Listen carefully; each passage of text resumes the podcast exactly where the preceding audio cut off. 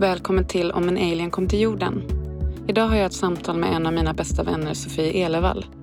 Vi pratar om när rollerna omfördelas i en familj när någon blir svårt sjuk och att våga följa sin dröm. Jag heter Therese Storm och det här är Om en alien kom till jorden.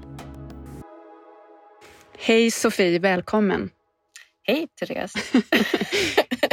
Vad tror du att en utomjording hade tänkt om oss människor och jorden om den kom hit?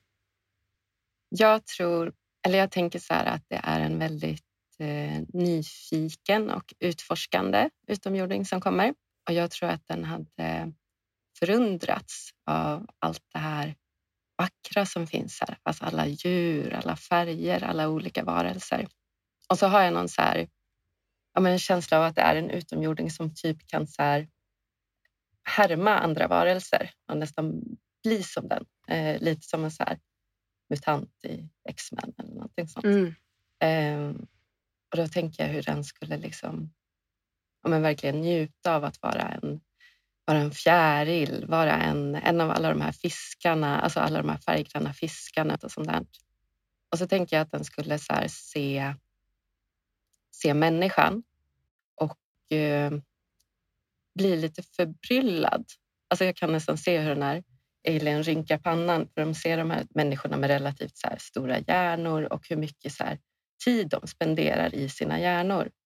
Eh, och är ganska, men ganska mycket rädslor, ganska mycket, så här, ganska mycket tänkande istället för varande.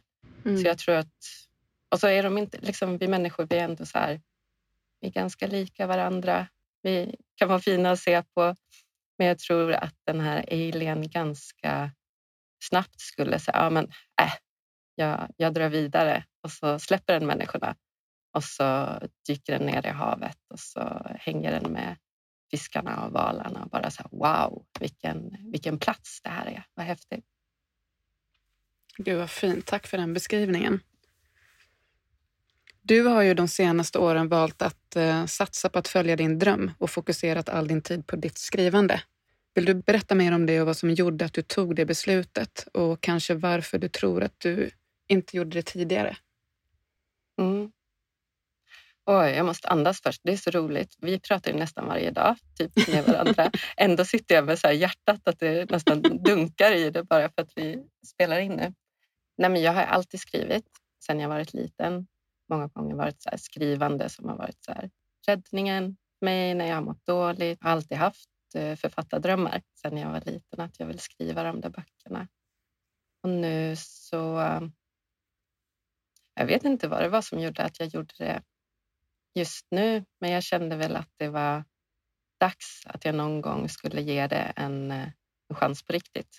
Och så sökte jag in till en utbildning, en slags författarutbildning i litterär gestaltning och eh, har gått den två år och fokuserat på skrivandet helt och hållet. Och nu senaste året har det handlat om att eh, hela året skriva på samma, samma projekt, på samma roman. Och vad, och vad är det nu när utbildningen är färdig? Ja, men nu har jag för någon vecka sedan här skickat in till förlag. Så du har en färdig bok? Jag har en, en eh, färdig bok. På min dator har jag en färdig bok och eh, några förlag har fått in en färdig bok, så färdig som jag tänker att det kan vara just nu. Mm. Och sen så är det ju jättesvårt att bli antagen av ett förlag. Eller det, det, är så många fantastiska människor som skriver fantastiska böcker. Så det är jättespännande nu att se om eh, någon tycker att den är eh, vacker och fin. Eh, mm. Så som jag tycker att den är vacker och fin. Vad valde du att skriva om? Vad handlar boken om? Jag har skrivit autofiktion, vilket betyder att man blandar eh, fiktion och verklighet. Och det baseras liksom på mig och eh, min familj. Så framförallt cirkulerar, eller boken handlar om min familj. Fast man vet inte helt och hållet vad, såklart vad som är helt på riktigt och vad som är påhittat. Är det det som är autofiktion? Ja, ja precis. Och det handlar om eh, vad som händer i en familj när alla roller plötsligt kastas om. Man har ju ofta ganska så bestämda roller i en familj från när man växer upp. Och vad som händer sen när någonting händer som gör att det inte kan vara samma roller längre. Och, och här handlar det om att först kommer den här huvudpersonen som baseras mycket på mig från en, en väldigt så här, trasig, eh, självdestruktiv eh, ungdomstid där liksom, ja, men allt fokuset självklart blir på henne. Sen blir hon mamma. Hon förstår att hon måste stanna, stanna på, på jorden. Och eh, samma år som eh, hennes son föds så får hennes pappa Parkinsons sjukdom. Och sen så flyttas man framåt i tiden och så är det 12 år senare och då så har den här, ja men, hans Parkinson blivit väldigt eh, långt framskriden och så samtidigt så får mamman cancer. Mm. Alltså jagets mamma cancer. Så plötsligt är det i en situation där det verkligen har förflyttats från, liksom, från jagets kropp att, äh, och att allt fokus är på henne till, äh, till att ha blivit mamma till att säga oj, men nu är det föräldrarna som behöver tas hand om och äh, båda två är, ja, men det är väldigt allvarliga sjukdomar. Mm. vad händer då? Plus att det här jaget ju också har ja, men sin bakgrund med, med mycket ångest, med mycket liksom, psykisk ohälsa som hon då har kommit ur. Men vad, vad händer när det blir en sån, eh, sån otrolig eh, stressfull situation? Mm. Vad, vad är det för gammalt som, eh, som kommer upp till ytan då igen? Hur, ja, men hur hanterar man en, en sån situation? Har det varit terapeutiskt för dig att skriva det här? Eller hur är processen? Även om mycket är fiktion så är det ju mycket också som är ur ditt liv och ur din familjs liv. Hur, hur har det varit att skriva om det? Det har varit både och. Jag, jag började skriva om det just när min mamma fick eh, cancerdiagnosen. Eh, då hade ju pappa varit sjuk länge och då, då hela den sommaren, vilket var förra sommaren när det var som allra värst, då var det terapeutiskt. Alltså, det är det som är så skönt med skrivandet överhuvudtaget, för direkt jag hamnar i en, en väldigt jobbig situation så, så gör min hjärna nästan direkt om det till, till skrift. Alltså hur kan jag använda det här? Men det här kan jag, om jag skriver ner det här och lyfter fram det så kan det så här, om det kanske kan inspirera någon annan, det kanske kan hjälpa någon annan och också att jag direkt liksom hamnar in i ett rum där jag alltså på ett sätt lite distanserar mig men ändå kan se på det från ett annat perspektiv, vilket är väldigt ja, men väldigt eh, skönt. Jag kan liksom omformulera det och sen så, så förra sommaren började jag ju skriva liksom samtidigt som allt det här hände, Det var väldigt skönt. Sen så blev det, sen så har det varit jobbigt också eftersom jag, vi spenderar ofta hela somrarna på Åland där mina föräldrar bor, där jag är uppvuxen. Och sen när jag lämnade sommaren, när jag lämnade liksom, ja, med mamma och pappa hemma på ön och där, liksom, där det fortsatte på många sätt vara tufft för honom, eller för dem, för att pappa var ju fortfarande så sjuk, så var det ju ändå jag fick släppa lite när jag kom till, tillbaka till Sverige. Men då skulle jag ju fortsätta skriva om det här, så att jag har ju varit hela det här året i, i alla de här jobbiga situationerna och skrivit mm. om, skrivit om, skrivit om och redigerat och redigerat. Så på det sättet så fick jag ju inte en en riktig paus från det heller. Samtidigt som någonting som händer när man skriver är också att man, att man kan skriva om sin historia. Att man efter ett tag har man jobbat så mycket med den så att, eh, så att man nästan kan se det som en historia också. Att man lite kopplar sig lös från det. Att nej, men det kanske inte har det har inte riktigt hänt mig på riktigt utan man gör om det till sin historia. Så det är nästan som att man skriver om det man har, har varit med om också, vilket också kan vara läkande. Liksom att, att ta tillbaka sin historia och göra den till så som man vill att den ska vara. Är det svårt att skriva om privata intima saker? Hur, för, hur förhåller du dig till dem som du skriver om? Alltså kanske inte i själva den skrivande processen, men sen ifall det ska ges ut.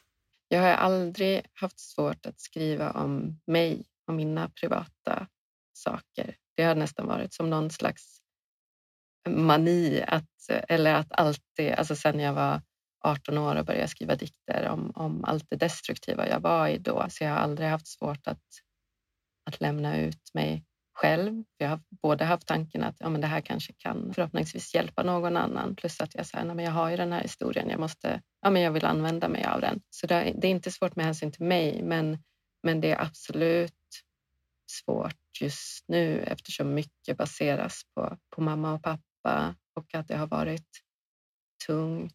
Och så ska, liksom, ja, men ska alla få läsa om det tunga som, som de delvis har gått igenom. Samtidigt som de också verkligen är så här, men kan det vara till nytta för någon annan, då är det bra att det kommer ut. Och jag tror verkligen att det kan vara till nytta för det är en situation som så många hamnar i.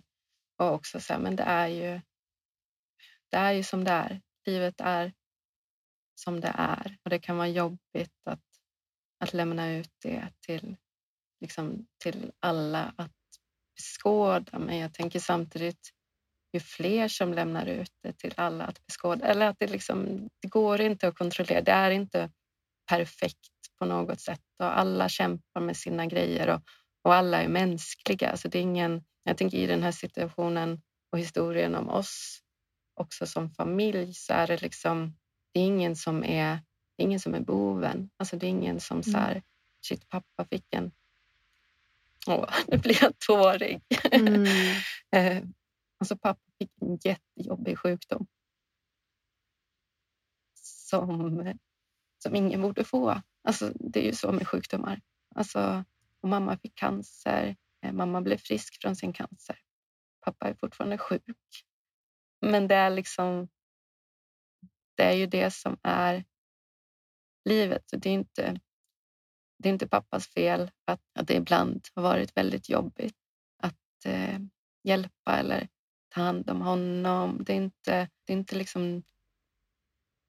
Det är en jobbig situation och då agerar man på väldigt mänskliga sätt som mm.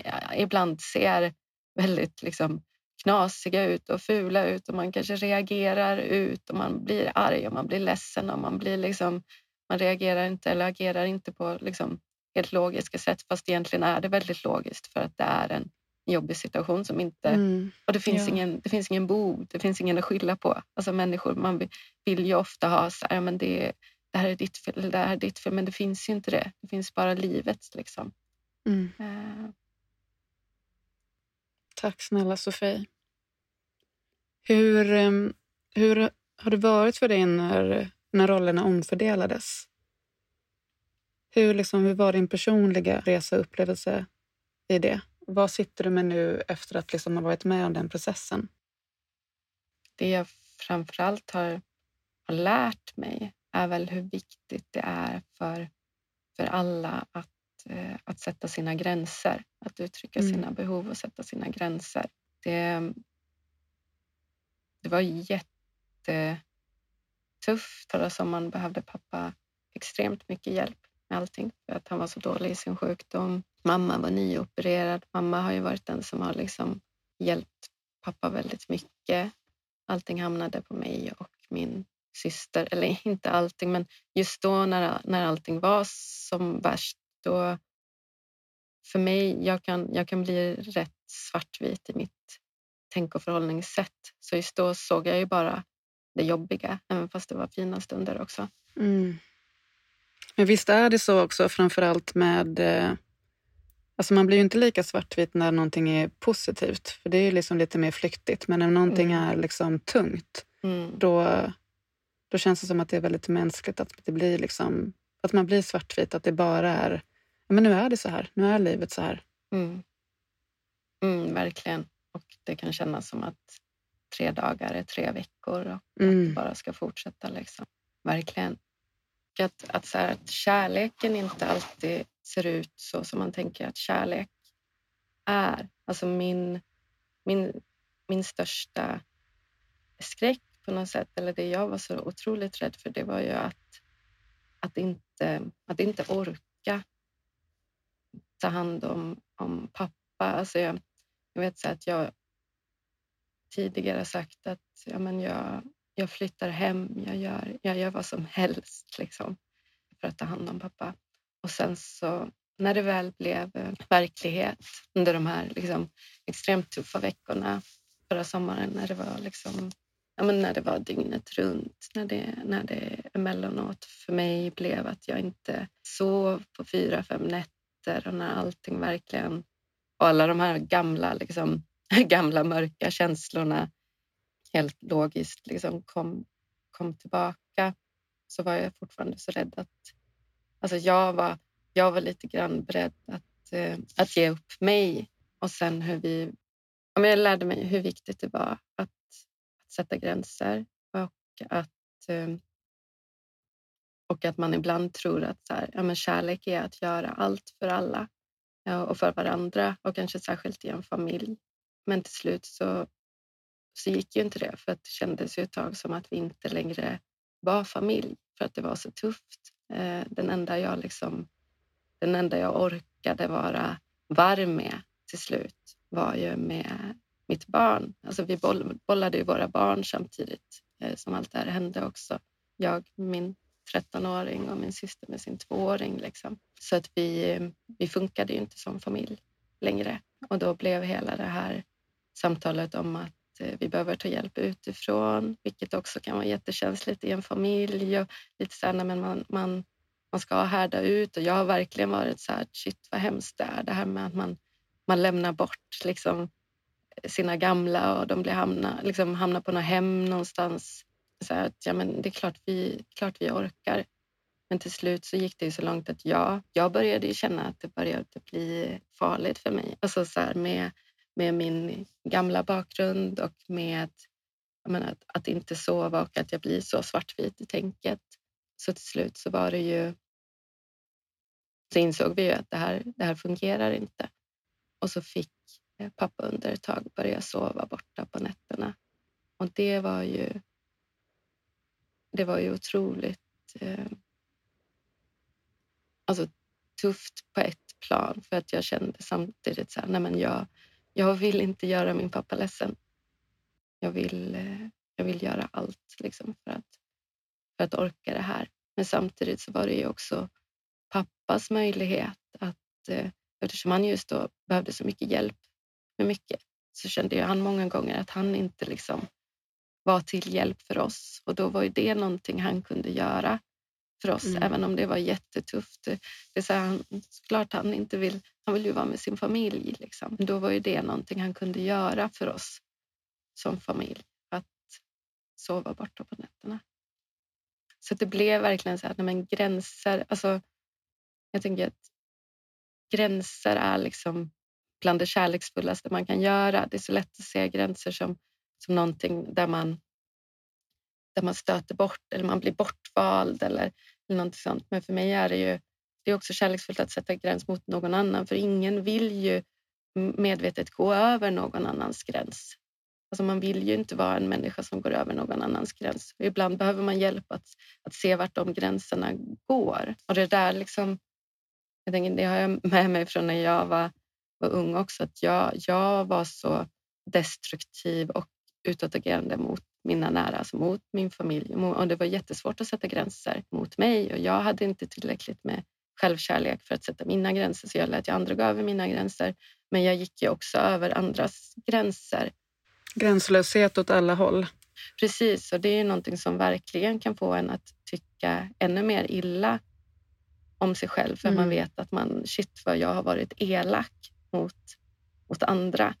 Och det går åt båda hållen för att ingen, liksom, ingen satt riktigt en gräns mot mig. Mm. Eh, förstår att det var svårt att sätta gräns mot mig för vad, herregud, vad skulle jag ha gjort om någon satt en gräns eftersom jag var så destruktiv. Men samtidigt så var det ju gränser var antagligen någonting av det jag verkligen behövde. Så, så det där liksom kom, kom tillbaka till ja, men nu under sommaren, att, eller förra sommaren, att, eh, att gränser och behov är liksom ja, men det, det mest kärleksfulla man kan göra och att det är där kärleken kommer. Kärleken är inte att, att, att gå totalt sönder för varandra mm. utan, utan att verkligen visa vad som... Ja, men så man kan fortsätta finnas med varandra mm. utan att gå sönder. Tack snälla Sofie för att du så öppet delar med dig av det där. Jag gör det med lite skakande röst och tårar i ögonen. För det ja, men det är klart. Alltså det är fortfarande känslosamt. Mm. Tack snälla. Det är så värdefullt att du delar med dig av, av det här. Allt som vi är med om i livet formar ju såklart oss till den vi är. Vad skulle du säga har gjort gjort dig till den du är idag? Finns det några speciella tillfällen som du kan se tillbaka på? Jag antar att den här sommaren är en stor del. Jag tänker att jag alltid, sen jag var liten, har varit väldigt eh, ja, men haft ett väldigt vad ska man säga, känsligt hjärta och varit känslig, alltså högkänslig. Då fanns det inget ord för vad högkänslig var. Jag, alltså jag, blev ju, jag blev mobbad när jag var liten, ettan, tvåan, trean. Och det tänker jag att ju, slog ju undan min, min självkärlek och, och självkänsla. Och var ju så starten på något sätt, eller det som följde med mig jättemånga år, att inte ha någon självkärlek.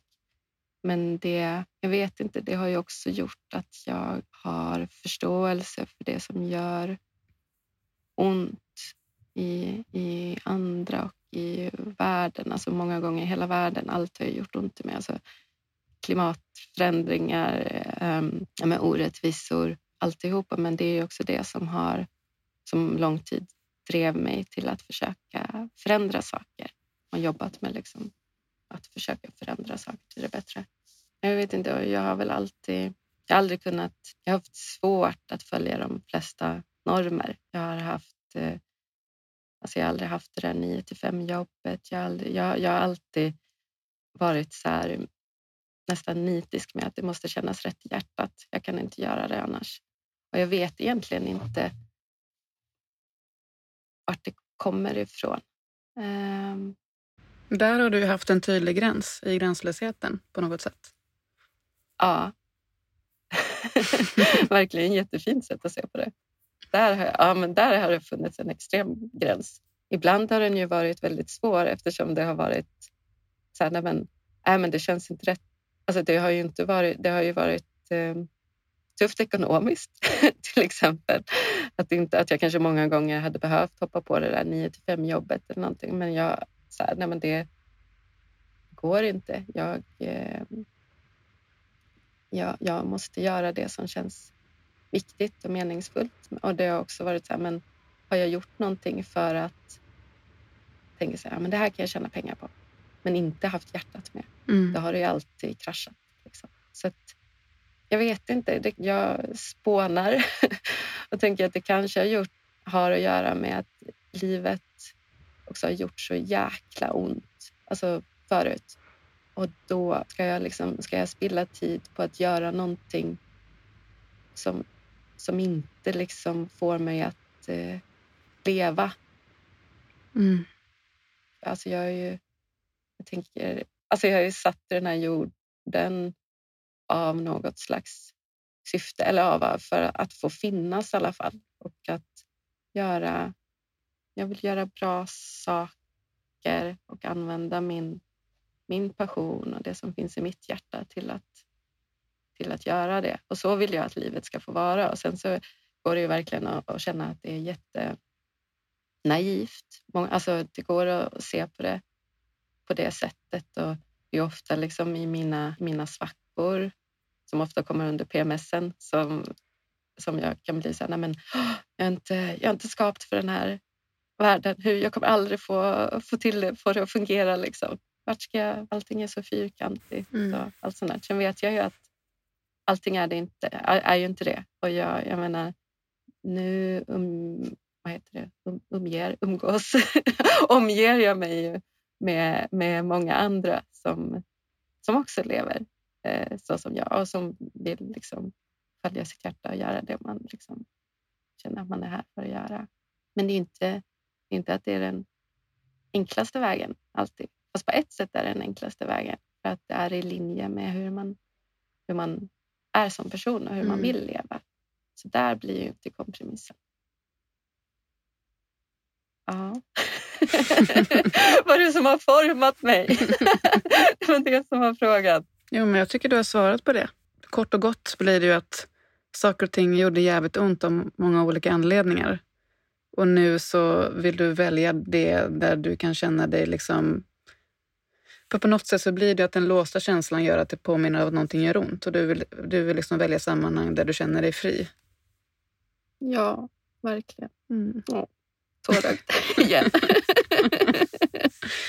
Du har ju tidigare jobbat som frilansjournalist med fokus på positiv storytelling och som du nämnde lite varit projektledare för events för att uppmärksamma klimatkrisen. Kan du inte berätta lite mer om det och hur ditt intresse väcktes för det här?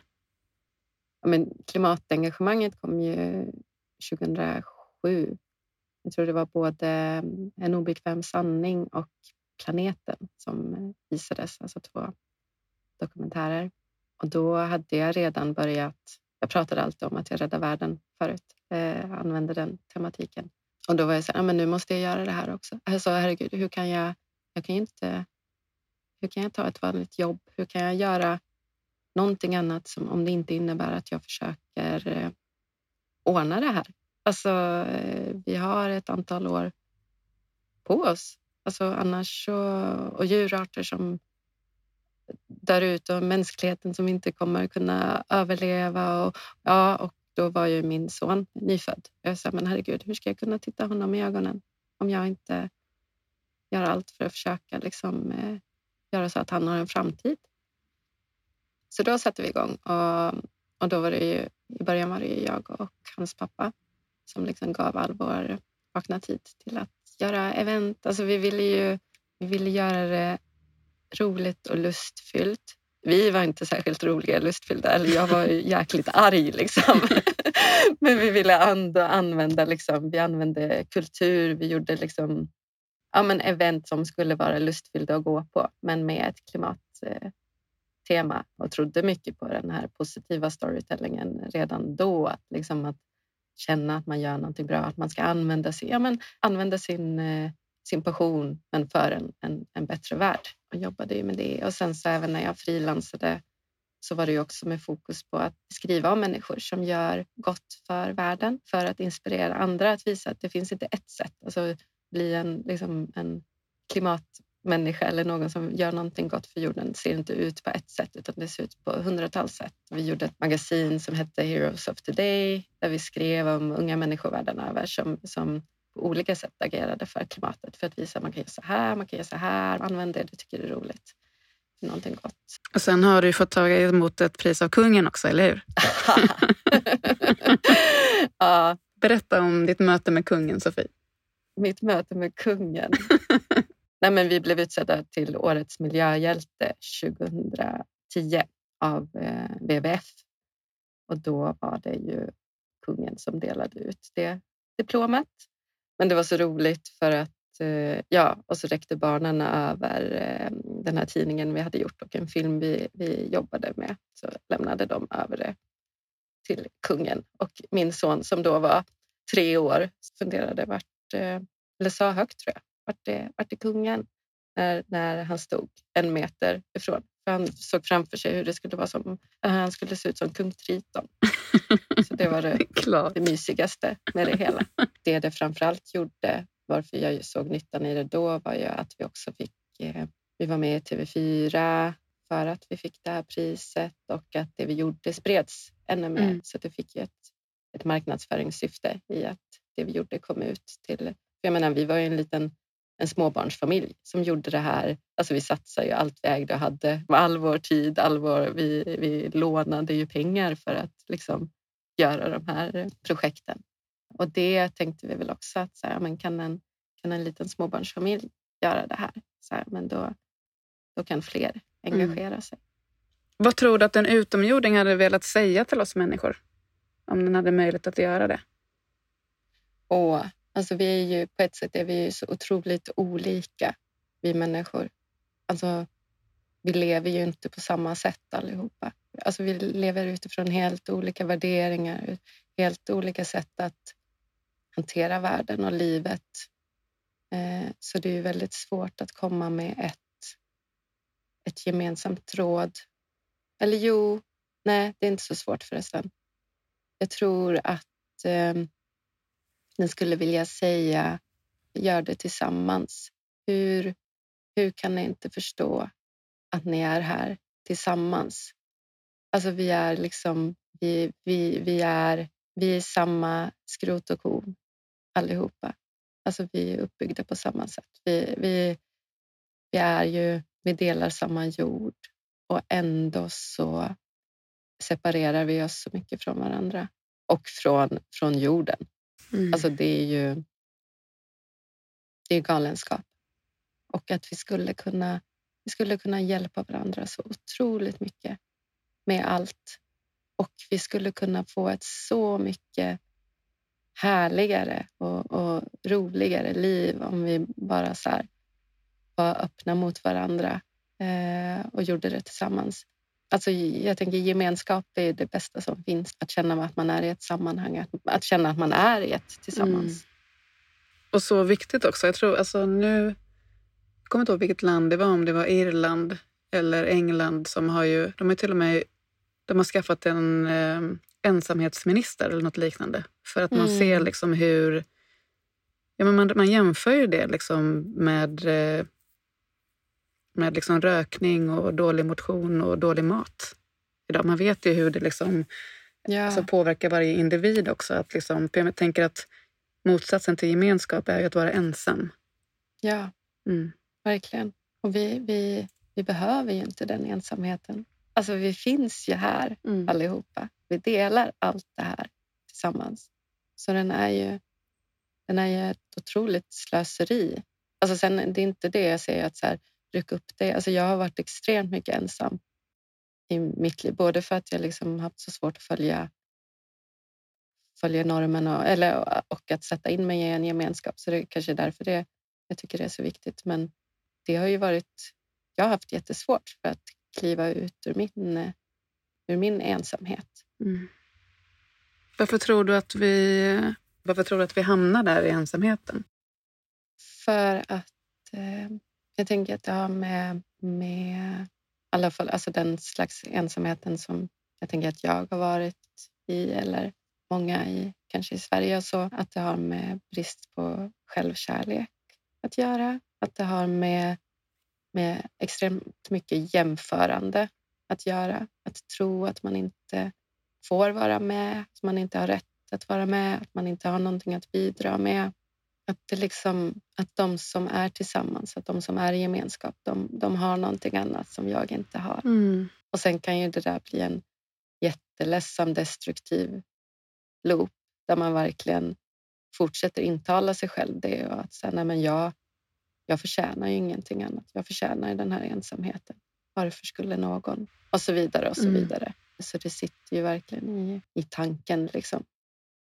Ja, men jag tror, alltså, jämförandet är ju... Det är ju ja, men det är det, åh, alltså, vad jag inte vill att den ska finnas. Där kan jag bli, kämpa mot. Du skickade ju en sån fin bild här förra veckan som vi båda har på våra Mm. telefonskärmsläckare nu. Och står det på den? Comparing yourself to others is a act of violence against yourself. Tror jag det står. Ja, your authentic self. Mm, your authentic self.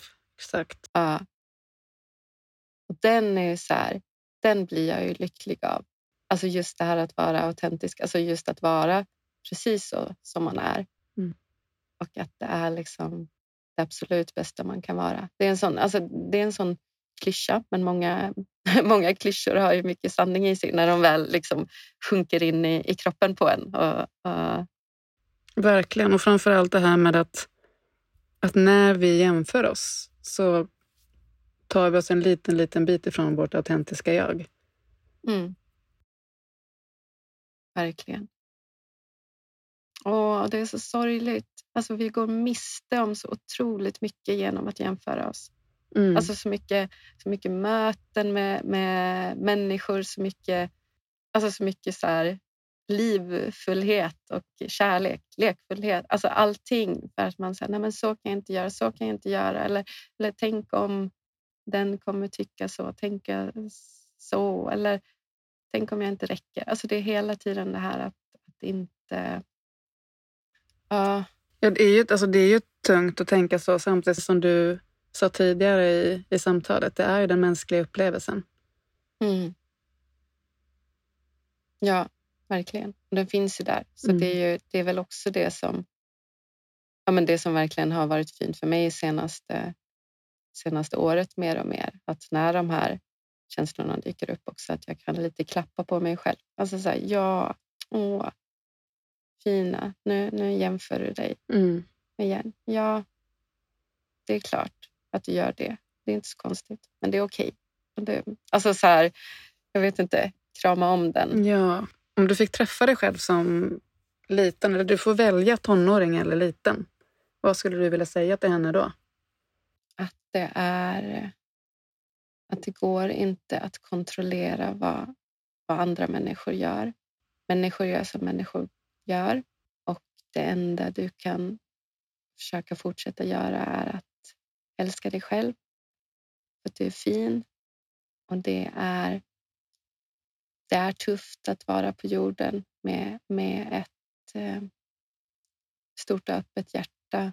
Men det är ännu tuffare att vara här med ett stängt. Mm. Fint, Sofie. Ja. Gråter jag igen. och vem vill du säga det till? Är det liksom den lilla Sofie eller är det tonårs-Sofie? Jag tror lilla Sofie. Mm. Verkligen. Alltså tonårs-Sofie tror jag så här, men skaka av dig skrotet och eh, kör. Gör din grej. Alltså, liksom, alltså, hon, alltså hon mådde ju jättedåligt, tonårs-Sofie. Men, eh, men ändå på något sätt... Ja, men typ så här, det kommer, det kommer lätta. Det är okej okay att vara rebell. Hitta, hitta dina rebellvänner, men som inte är destruktiva. Mm. kanske. Åh gud, det hade min tonårs Therese också behövt höra. Ja, eller hur? Jag tänker att vi, ja, men vi delar ju så himla mycket. Mm. Våra, våra resor. Verkligen. Från det ena till det andra. Hur, um, hur ser din skrivarprocess ut? Ser det, ser det liknelser i varje projekt eller är det liksom olika varje gång? Alltså det här är ju det första så här, manuset som jag har um, fullföljt. Och kanske mycket på grund av att eh, skriva skrivarprocessen är extremt fylld av tvivel och eh, verkligen en berg och dalbana. Och jag vet bara under, under det här året när jag har jobbat med det här också så har det ju varit flera gånger som jag säger, nej men nu, äh, nu slutar jag skriva. Nej, det här är inte för mig. För att det är så här, jag får inte ihop det och ja, men verkligen jättemycket tvivel. Och sen så hamnar man in i någon slags flow. Man bara, åh vad fint det här är. Och sen så kommer man tillbaka till tvivlet. Alltså det som gjorde nu till slut att jag genomförde det här till slut var väl...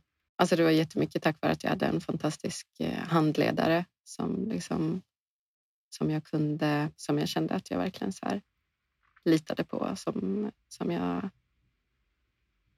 så att jag slapp kanske, inte slapp, jag tog ändå besluten, men, men jag fick eh, hjälp att så här, okay, men jag drar det lite åt det här hållet eller lite åt det här hållet. Du behövde inte göra det eh. helt själv helt enkelt. Du kunde bolla. Ja, så återigen tillsammans. Alltså, så här, mm. Jag vill ju skriva jättemycket böcker.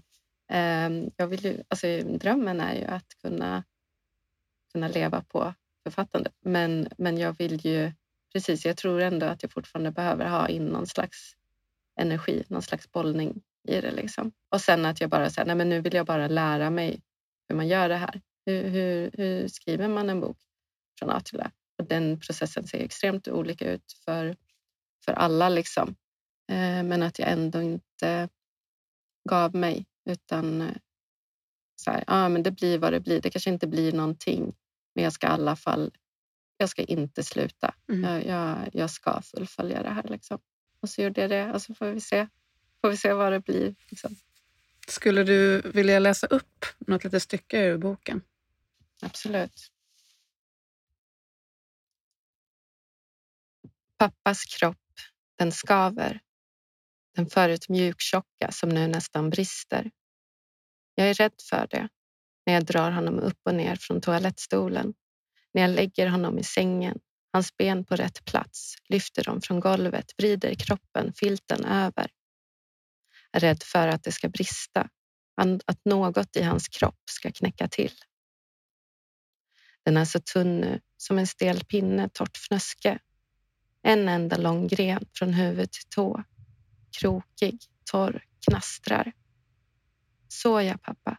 Försiktigt. Försöker hålla honom i alla hans leder. Min mjuka hand mot allt det som spänner.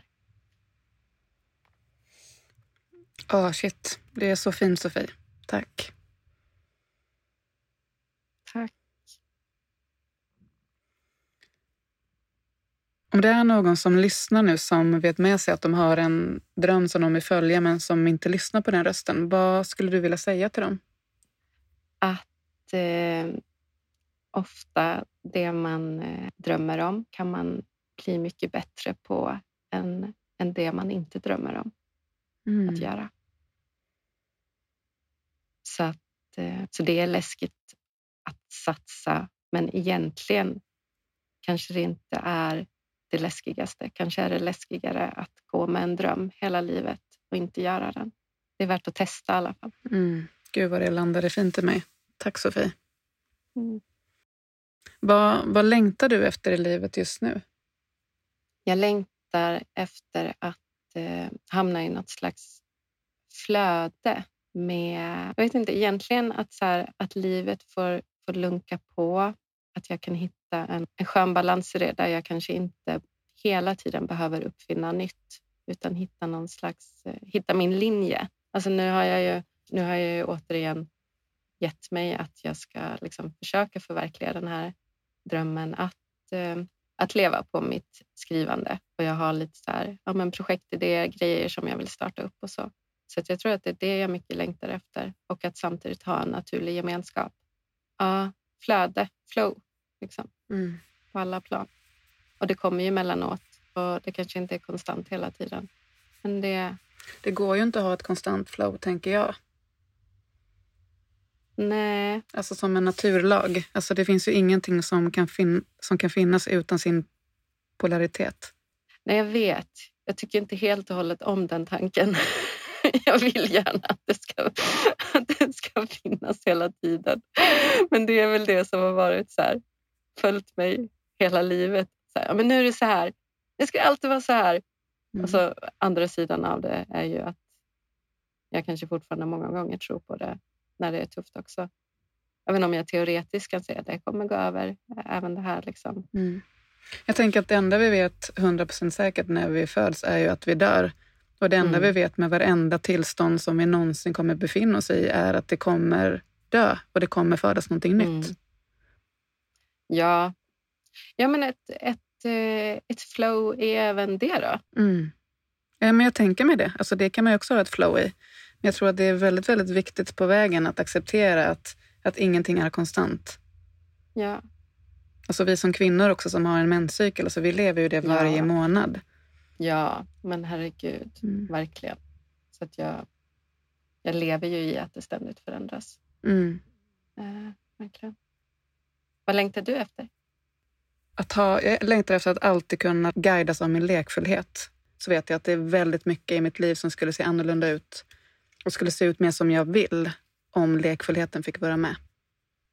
Mm, så himla fint. Tack. Men nu har vi kommit fram till de sista frågorna, darling. Ja, kör. Vilken norm skulle du vilja ändra på och varför?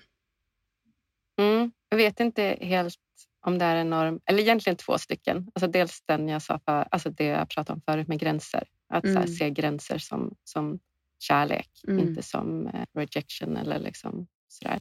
Jag skulle verkligen hålla med dig om det, om att det är en norm. För det var nästan som att det bubblade lite i mig förut när vi pratade om det. Men ja. jag sa ingenting. Att, att det är lite som en... Eh, alltså vi lär oss ju inte det, utan det är ju som en folksjukdom eller vad man ska kalla det. Att ja. vi liksom växer upp med att inte, för det första inte veta, inte lära oss om känslor och behov, men absolut inte om gränssättning. Utan liksom, det är mm. som att vi alla är lite så här medberoendeskadade, hela liksom mänskligheten. Verkligen, verkligen. Så att så här, ja, men stötta sig själv och andra i att uppmuntra mm. gränser. Mm. Verkligen. Och sen den andra alltså, är att, att, människa, att vi som människor inte ska se oss som en sån övervarelse. Alltså återigen till det här tillsammanset. Att vi, alltså vi, vi, vi delar jorden med alla de här vackra fjärilarna och fiskarna och valarna och djuren och träden och vattenfallen och alltihopa. Liksom, vad, vad, vad är det som, som tror att, att vi liksom ska bestämma över allt det? Alltså det är till och med liksom lagligt att förstöra annat liv. Mm. Och det där liksom att få, få in i oss att vi, eh, vi är här tillsammans och hur, hur vackert det är att, att vara här tillsammans och hur skönt det är när man inte sätter sig på en högre stol än någon annan. Alltså shit vilken gemenskap det är i det. Så liksom, ja, men lite plocka bort oss från den här herre på täppan. Mm. Som att vi skulle liksom veta allt bättre, göra allt bättre. Herregud, livet har funnits här hur länge som helst och hur långt som helst innan vi kom. Mm. Vad, va? Tror vi att vi liksom plockar bort oss från herre på täppan och eh, så får vi leka tillsammans allihopa istället? Lite mer symbios. Ja, verkligen. verkligen. Um, jag skulle jättegärna vilja uh, veta lite om en person som har inspirerat dig.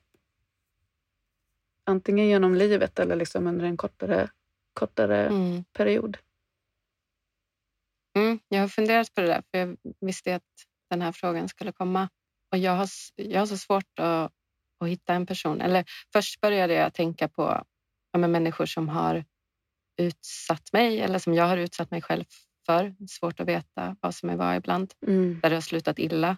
Så att jag liksom har ändå varit tvungen att, eh, att resa mig på ett nytt sätt. Men sen, men ja, det jobbet har jag gjort efter det. Mm. Liksom.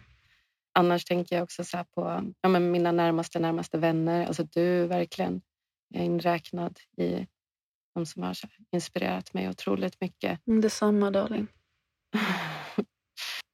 Så den, liksom, att veta att man är hållen någonstans oavsett hur man, hur man är den dagen. Sen så är det ju alltså, Amateus, alltså mitt, mitt barn. Och det tänker jag mycket att det var ju liksom det var ju när han kom som jag förstod att det var viktigt att jag eh, finns på jorden, att jag måste stanna här, Mm. att jag ska finnas kvar. Och då jag började ta hand om mig själv. Och sen så är han ju också så här, det finns ett Pippi Långstrump-citat som jag tycker att stämmer så bra med honom. Som är, ja men det där har jag aldrig provat så det klarar jag nog. och det är lite så. Alltså jag, jag tycker han har den, det sättet att vara. Det är inte så här, ah, nu ska jag klanka ner på mig själv och tvivla på mig själv innan jag försöker någonting. Utan bara så här försöka. Mm. Eh, och det, det har jag som en, ja, som en stor inspiration. Mm, fint. Ja. För att må bra i livet, vad tror du vi människor behöver då? Vad är viktigt för oss för att må bra? Ja, men jag tror gemenskap. Återigen, gemenskap. Och kunna fisa öppet i gemenskapen. ja, självklart. Det är det som är betyget. Kan man, kan man fisa med varandra, då vet man att man är trygg. tänker jag. Det är fint. Det är kärlek. Det är verkligen, ja, alltså, gemenskap eh, tillsammans och kontakt, Mm. tänker jag. Och det kan se ut på olika sätt.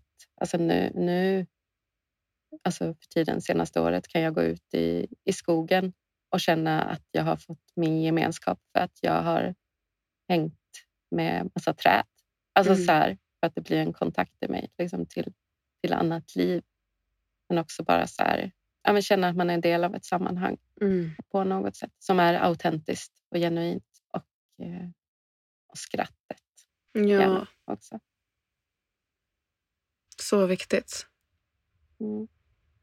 Och, um, och sista frågan då. Om den som lyssnar nu längtar efter mer av, eh, av dig, vad, vad hittar den personen dig då någonstans? Mm. På den här adressen. tänkte jag säga. Min adress Ja. är Mm. postnummer. var det där med gränser va? ja, nej men jag, eh, jag finns ingenstans tänkte jag säga. Eh, det finns jag verkligen. Men jag har, alltså jag har en privat Instagram. Jag har ingen hemsida. Men, eh, men vill, man, alltså vill man gärna komma i kontakt med mig så får man ju skicka en, en vad heter det, följdförfrågan på Instagram eller, eller leta upp mig på Messenger eller någonting. om man tycker att det skulle vara fint att vara i kontakt. Och sen så får vi väl se vad som händer med den här boken om jag lyckas om jag lyckas få ut den till, till världen. Då kan man ju få läsa den. Man kan ju också få ut den på massa olika sätt. Ja, verkligen. Ja, men precis. På något sätt så kommer den ju så småningom mm. komma ut. Det tycker jag vore, det vore fint. Plus att du har ju faktiskt redan börjat skriva på en till bok. Ja, det har jag gjort i den här ljuvliga kreativa processen som jag är i just nu. Vart är du just nu? Är det en, en djupdykning av tvivel? Ja, och så yay!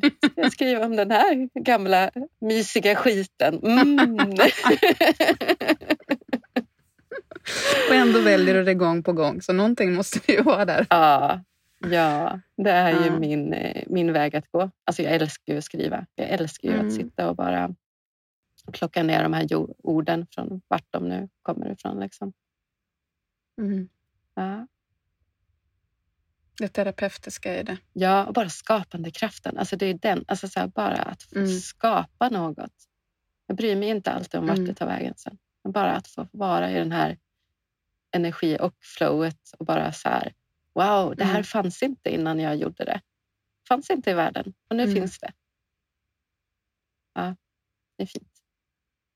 Mm. Tack, för, tack för det här. Tack för att du kom hit, höll jag på att säga. Men vi sitter och tittar på varandra. på... I min klädkammare. tack för att du kom till din klädkammare, Sofie. Ja, det var första gången på det här sättet. Nej, men alltså verkligen tack för det här samtalet. Mm. Jag känner redan nu att jag har många mer frågor. Framförallt om hela den här... Nej, men att när, när rollerna omfördelas i en familj. Men vi får ta det en annan gång. Mm. En fortsättning. Det får vi göra. Så tack för dig och tack för idag. Tack för dig, fina. Jag ska stänga av nu, va? Ja, ja vi stänger av nu.